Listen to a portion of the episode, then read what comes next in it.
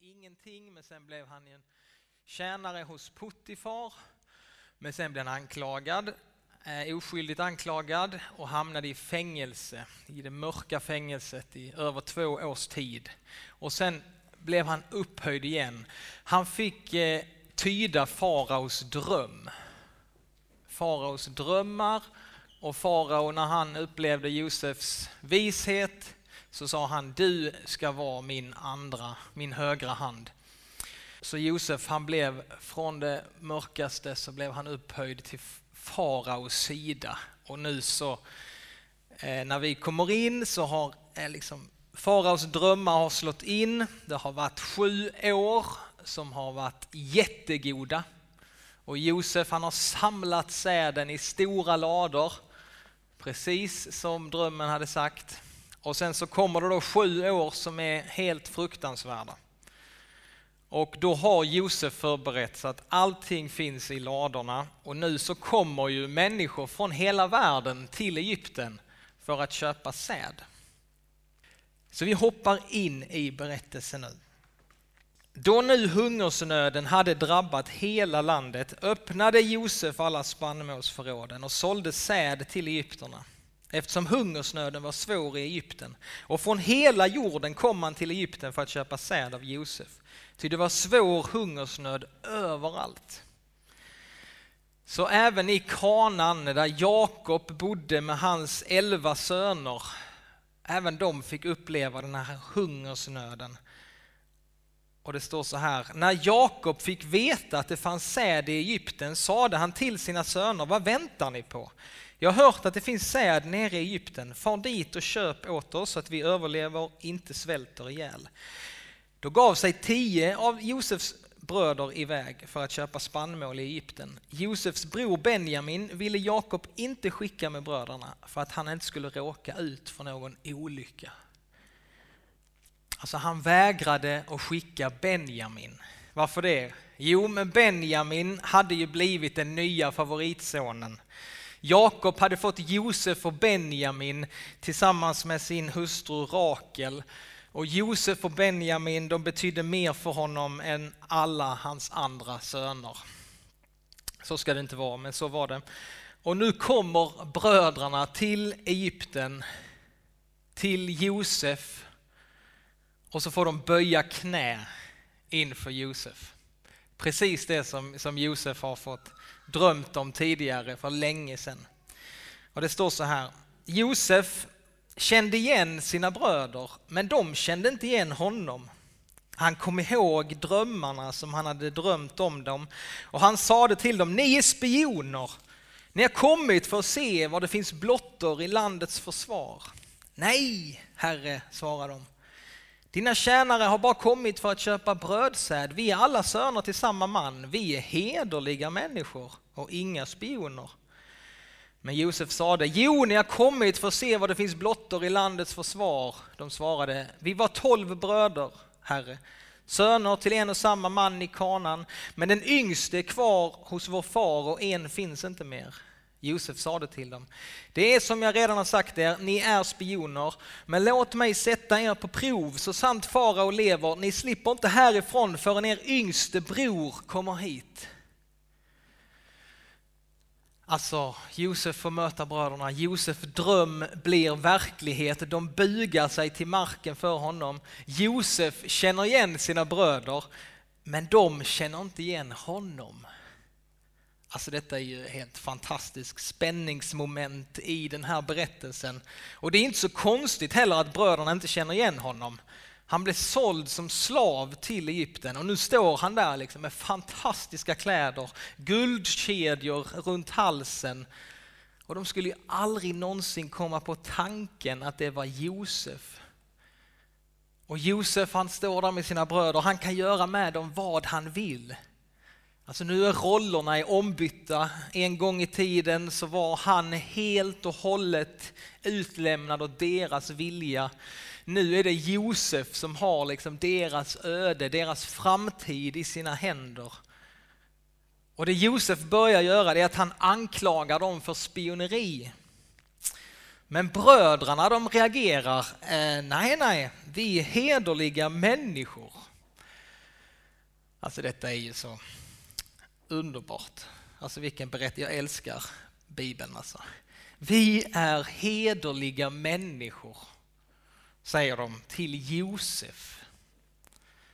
Alltså jag tror inte Josef är nöjd med den beskrivningen som de har av sig själva. Han vet ju vad de har gjort, han vet vad de går för.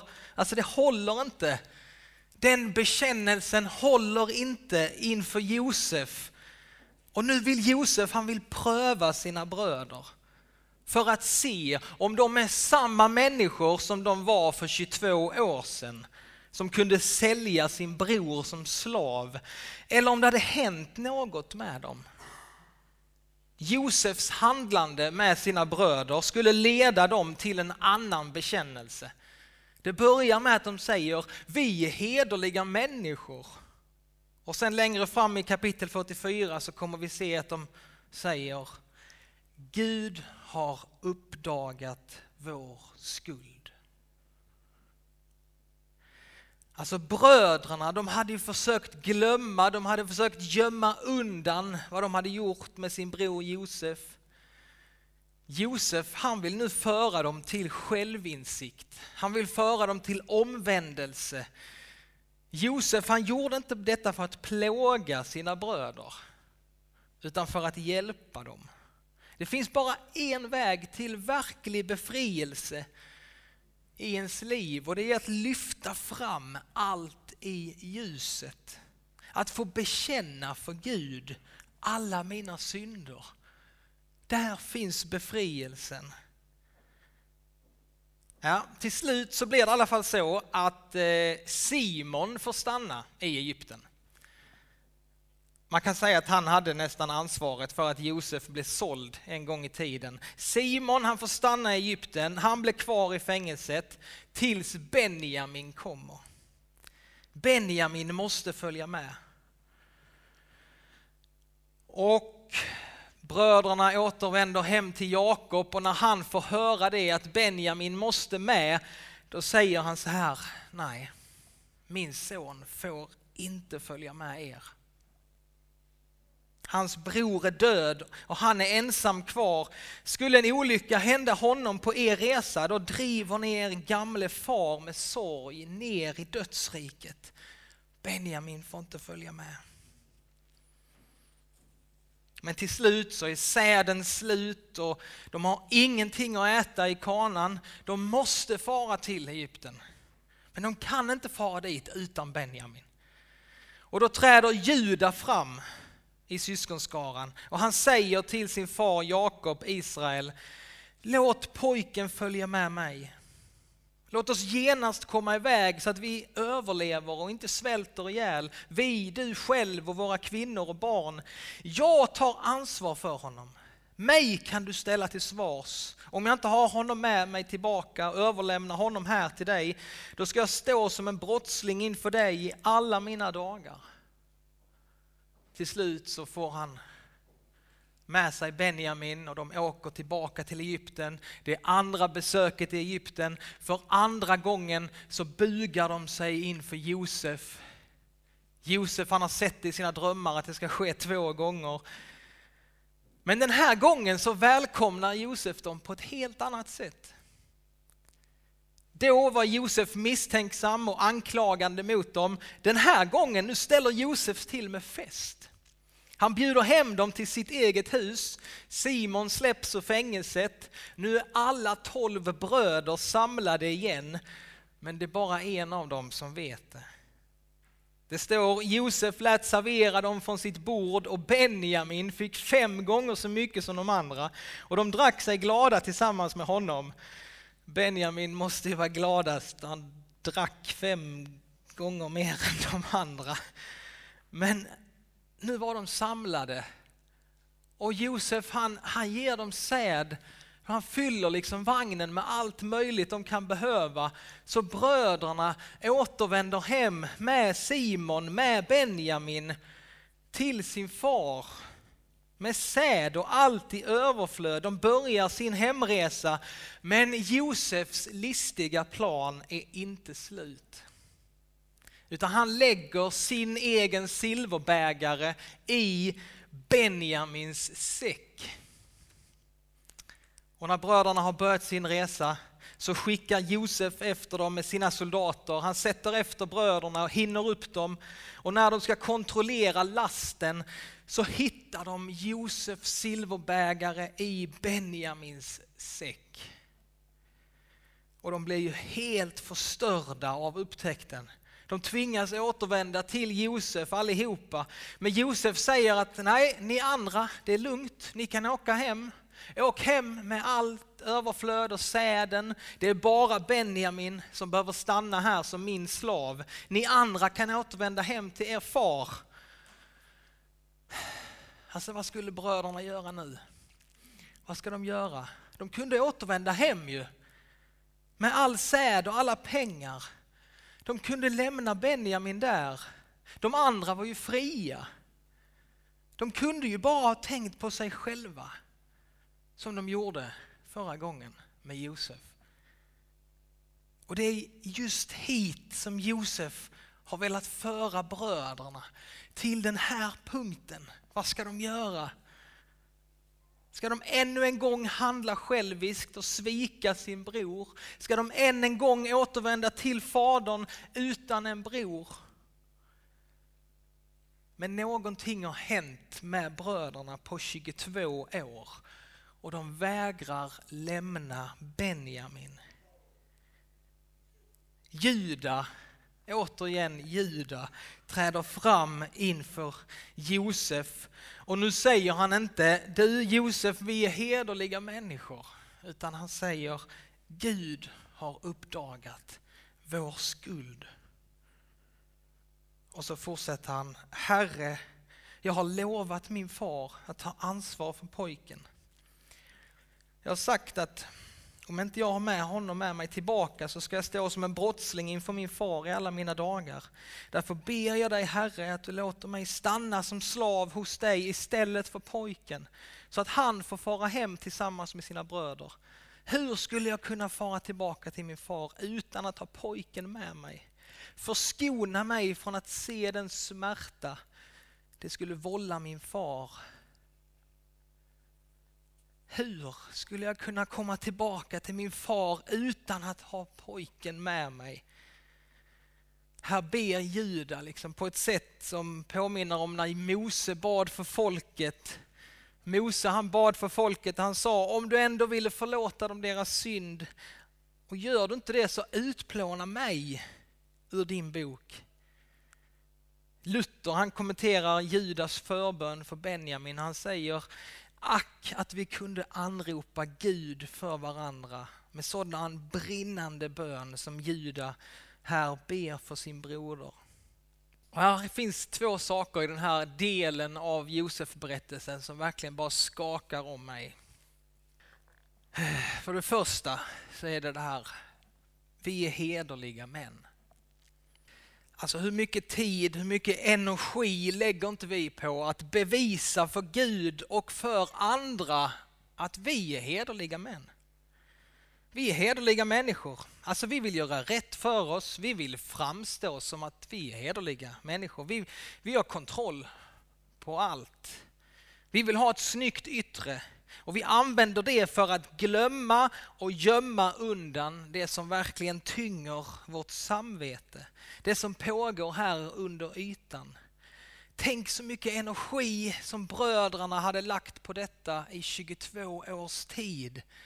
De hade försökt glömma och gömma undan att de sålde sin bror som slav, att de ljög för sin pappa. De försökte vara hederliga män och framstå på det sättet.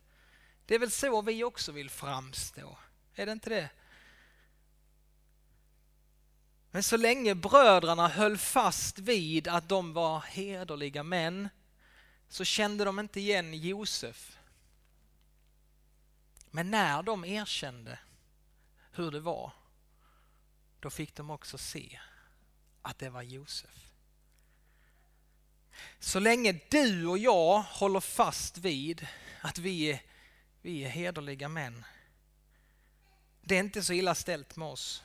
Så kommer vi aldrig lära känna Jesus Kristus. korset, syndernas förlåtelse, nattvarden, nåden. Det kommer kännas helt äh, konstigt, distanserad för oss.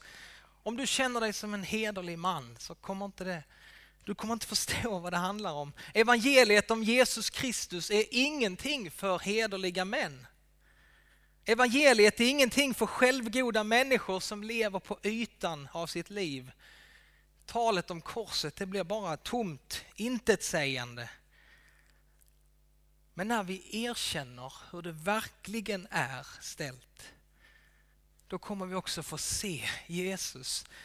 Vi kommer få lära känna Jesus så, han, så som han verkligen är. Korset, det kommer vara för oss liksom, det är vårt enda hopp i livet.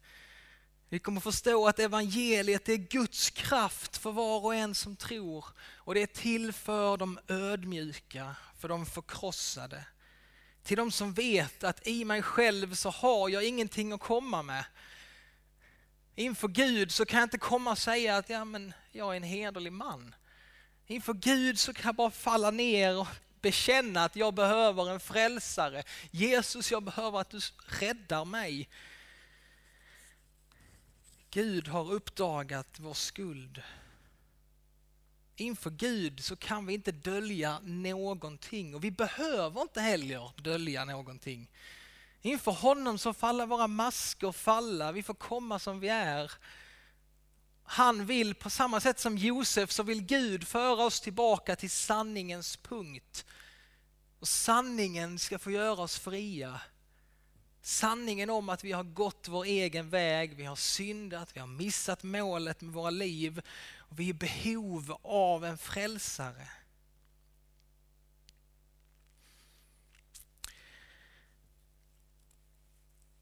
Och det andra som skakar om mig i den här berättelsen det är Juda förbön för Benjamin.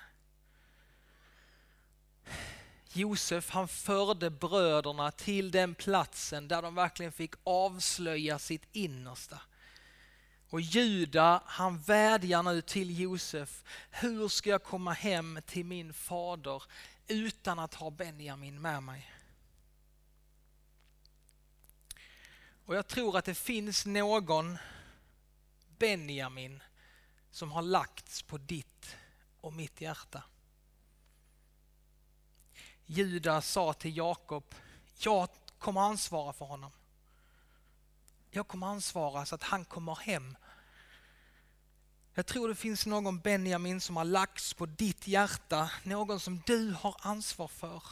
Någon som behöver din hjälp och din förbön för att han ska komma hem till Fadern. Det är ju dessa namnen som vi har skrivit ut på lappar här i den här korgen. Va?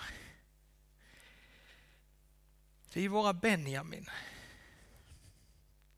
Gud vill att vi ska be för dem. Men inte bara det, jag tror att han vill föra oss liksom till den punkten där, där vi bara ber som Juda bad. Gud, hur ska, jag, hur ska jag kunna komma hem till dig? Hur ska jag kunna tillbringa evigheten med dig om jag inte har Benjamin med mig? Jag måste ha Benjamin med mig. Men till slut så får vi fästa blicken på Jesus. För ansvaret det ligger inte bara, ligger inte bara på oss.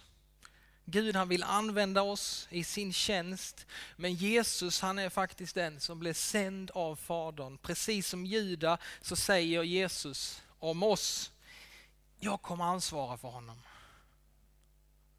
Han säger det om dig, jag kommer ansvara för honom. Hur ska jag kunna vända tillbaka till min fader om jag inte har Benjamin med mig? Jesus han vände inte hem till Fadern förrän hans verk var fullbordat på korset. När han hade dött, när han hade uppstått, då vände han hem till Fadern. För då var det helt öppet för oss att komma hem. Och idag så säger evangeliet till dig, Gud han säger till dig, välkommen hem. Gud han är en öppen famn som väntar på att hans barn ska komma hem. Och Jesus han är vår bror på samma sätt som Judas så ber Jesus för oss. Han ber för oss och han är angelägen att du och jag hittar hem. Du har en bror i Jesus. Och den som har en sån bror behöver inte oroa sig för framtiden. Han kommer ansvara för dig. Han har gjort allt för att du ska hitta hem. Och så fortsätter han att be för dig. Där har du någon att räkna med, någon att, något att vila i, inspireras av, någonting som bara kan få fylla ditt hjärta med tacksamhet och glädje. Att vi tillhör honom. Låt oss be tillsammans. Ja, tack Jesus Kristus för vad du har gjort för oss. Tack Jesus. Herre, vi bara ber att du ska fylla våra hjärtan med tacksamhet över vad du har gjort för oss. Att du har öppnat vägen till Fadern, att vi får komma hem.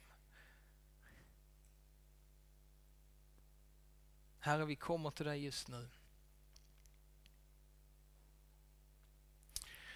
Herre, så vill vi be för de här människorna som, eh, som vi har på våra hjärtan, Herre, som du har lagt på våra hjärtan, våra Benjamin.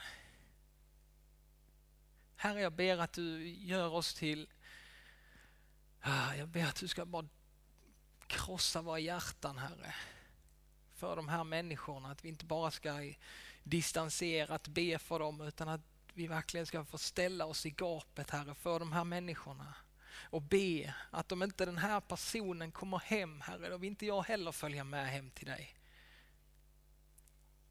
Herre, vi lyfter upp dem inför dig och vi ber Herre att de ska få komma hem till dig. Amen.